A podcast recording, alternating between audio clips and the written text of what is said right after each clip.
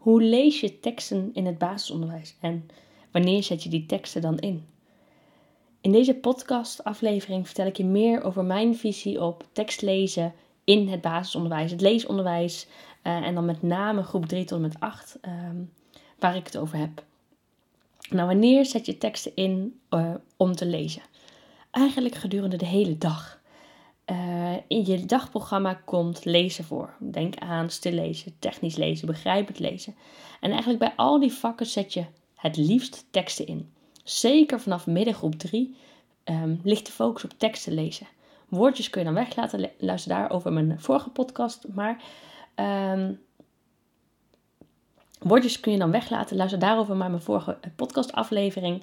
Maar in ieder geval zet in op teksten lezen. En zorg dat die teksten rijk genoeg zijn en groot genoeg zijn. Zodat je echt met de kinderen um, kilometers kunt maken en de diepgang in kunt gaan. Nou, naast die leesvakken die op het rooster staan, heb je vaak ook wereldoriëntatie op je rooster staan. Ook daarbij zet je teksten in. Denk aan groep 6, waar de watersnoodramp uh, besproken wordt. En daar zijn verschillende boeken over uitgegeven. Eén daarvan is De Zee kwam door de brievenbus. Prachtig boek vanuit de ik-vorm geschreven, wat je meeneemt en meesleept in het verhaal van kinderen tijdens de watersnoodramp. En dat, ja, dat, dat biedt de kinderen zoveel meer dan dat je eh, als leerkracht vanuit een WO-methode kunt brengen. Dus ook WO kun je heel erg verrijken met rijke teksten, ehm, teksten die je aanbiedt in de klas. En daaromheen, wanneer het maar nodig is in je, in je dagelijks onderwijs, pak er teksten bij. Uh, vragen de kinderen naar de uitleg van iets. Zoek er een informatieboek bij. Vragen de kinderen naar een, gebeurtenis en, uh, die in het nieuws is. Pak een krantenartikel erbij en lees het samen met ze.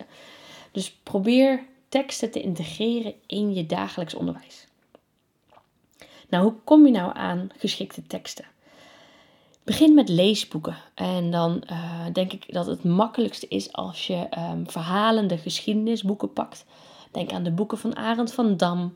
Uh, voor beginnende lezers heb je daar een hele fijne serie. Zelf lezen over lang geleden. Met uit mijn hoofd acht of tien AVI-boeken. Waarin um, geschiedenisonderwerpen besproken worden. Maar denk ook aan wat ik net al zei: de zee kwam door de brievenbus voor de watersnoodramp. De Tweede Wereldoorlog zijn enorm veel boeken over. Um, wellicht ken je voor de Eerste Wereldoorlog wel het boek Ze gaan er met je neus vandoor van Ted van Lieshout. Ook zo'n prachtig boek waarbij je eigenlijk helemaal niet door hebt dat het over een oorlog gaat, tot je dat met de kinderen bespreekt. Ja, begin dus gewoon met leesboeken. Zo makkelijk kan het al zijn. Nou, en daaromheen, ik noemde het net al, is er een actualiteit die speelt? Of kun je met terugwerkende kracht nog iets vinden? Ga dan op zoek naar krantenartikelen.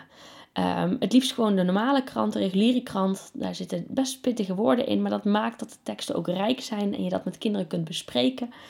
Maar vind je nou die teksten te lastig, pak dan een Samsam krant of een Kids Week, uh, waar, waar ook van allerlei informatie op een rijke manier in vormgegeven staat. Nou, daarnaast kun je nog gebruik maken van uh, diverse webteksten, waarbij jij als um, aanbieder van die tekst echt kritisch moet kijken of de bronnen oké zijn en of dat de tekst uh, die je aanbiedt um, oké is, rijk genoeg is en geschikt is voor kinderen. Daarnaast heb je nog allerlei video's en podcasts die je kunt inzetten. Denk aan schooltv, waar vaak ook de tekst uitgeschreven staat. Klokhuis, um, Huisje, Boompje, Beestje. Dat kun je allemaal nog daarnaast aanbieden ter verrijking op die teksten en de onderwerpen waar je het over hebt. Als laatste wil ik de website rijketeksten.org tippen.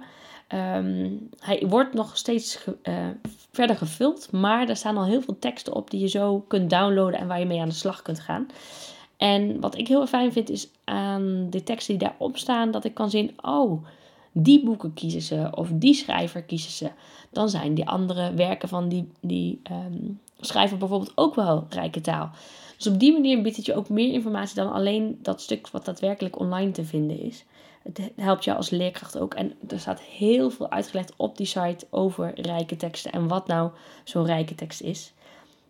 Ze hebben ook een lijst met criteria en daar heb ik een paar punten uitgehaald uh, die ik even met je wil bespreken. Um, zo moet een rijke tekst voldoen aan origineel taalgebruik.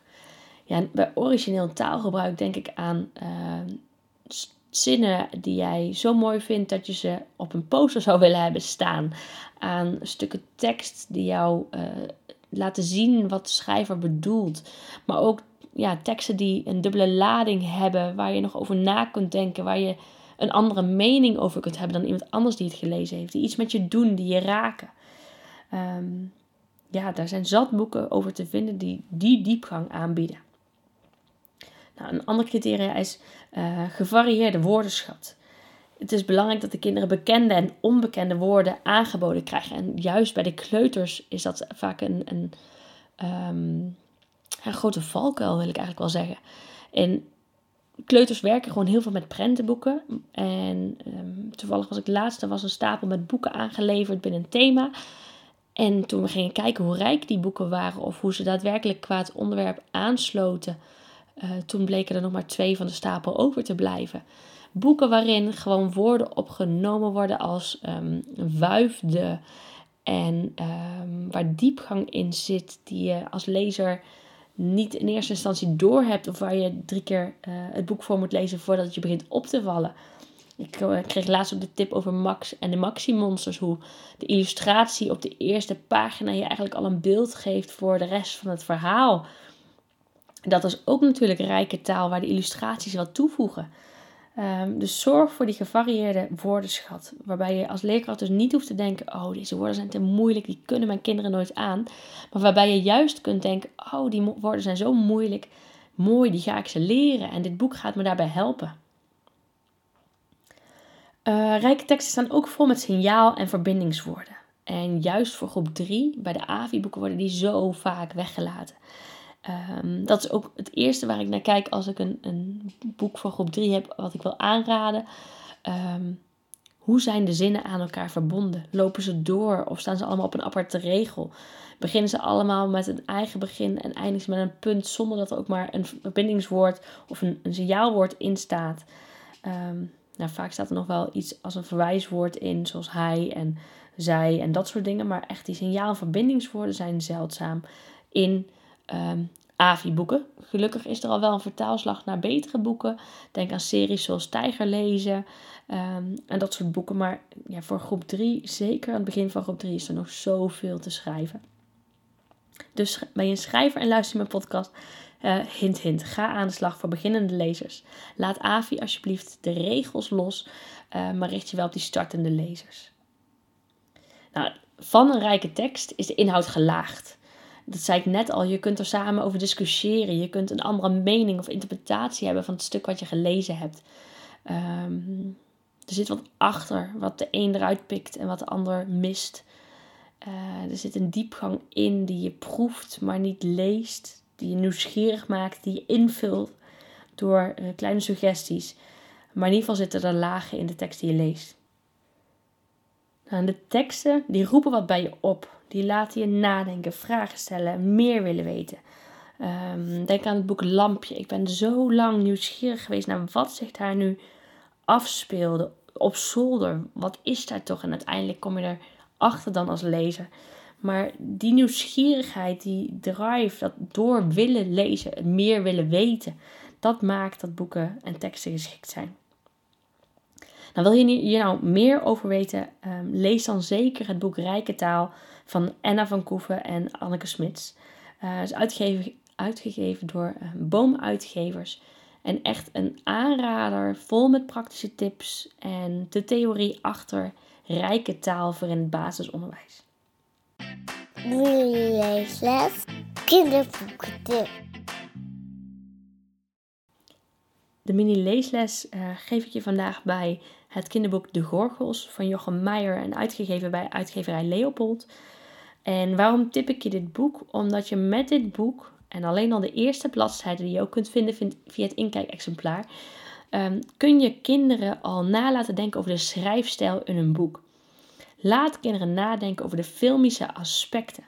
Zo um, wordt er op de eerste bladzijde zo duidelijk omschreven wat Melle ziet, wat hij ervaart, hoe de kamer eruit ziet. Nou, het scheelt ook heel erg dat er een illustratie bij staat, maar de taal zelf doet al heel veel. En die taal maakt dat eigenlijk je, als je je ogen dicht doet, er in je hoofd een film afspeelt. En dat maakt dat deze, dit boek, De Gorgels dus, vol zit met filmische aspecten. Laat de kinderen nou aan de hand van het voorbeeldzinnen die jij ze geeft vanuit dit boek of een ander boek, uh, nadenken over de filmische aspecten in hun boek. En heel erg leuk, ik kreeg van een uh, collega terug dat een leerkracht die deze mini-leesles dus gegeven heeft, ervaarde dat de kinderen in groep 5 de hele dag aan het praten waren over die filmische aspecten in hun boek.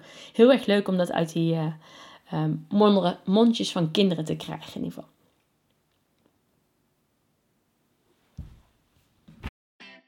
Wat ontzettend leuk dat je luistert naar de podcast vol leespiratie. Misschien ben je door mijn Leespiratie podcast zelf enthousiast geworden om met Leespiratie in je klas aan de slag te gaan. Tof, want daar liggen namelijk veel kansen voor leerkrachten. Juist door jouw leerlingen ook weer te leespireren. Schrijf je daarom in voor mijn Leespiratie mail. Dat kan door via de show notes op de link te klikken en je gegevens in te vullen. Dan blijf je altijd als eerste op de hoogte van de Leespiratie tips die ik deel. Wil je nog meer leespiratie? Beluister de andere podcasts die ik maakte. Volg me op Instagram onder de naam kinderboekenjuf.nl of neus eens rond op mijn website www.kinderboekenjuf.nl voor praktische, kant-en-klare leespiratie waar je zo mee aan de slag kunt.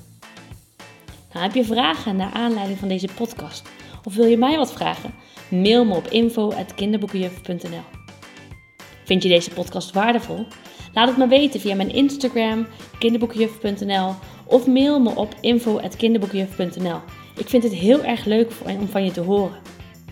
Volg mijn podcast door via het luisterplatform naar de podcast voor leespiratie te gaan en klik vervolgens op volgen. Stel de meldingen in, zodat je als eerste op de hoogte blijft als er een nieuwe aflevering online komt. Bij Spotify kun je dit bijvoorbeeld doen door het alarmbelletje aan te klikken. En geef mijn podcast een beoordeling of like, zodat anderen ook weten dat mijn podcast de moeite waard is om te beluisteren.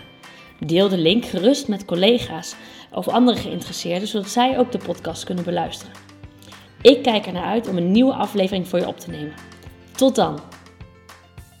Je luisterde naar Ingrid Rijnboud-Evers, de kinderboekenjuf. Wil je nou meer weten over mij? Luister dan zeker eerst even de eerste twee podcasts die ik maakte. Daarin vertel ik je eigenlijk alles over wie ik ben, uh, wat mijn interesses zijn en wat mijn visie als kinderboekenjuf is en hoe ik leerkrachten help om de kinderen in hun klas te leespireren.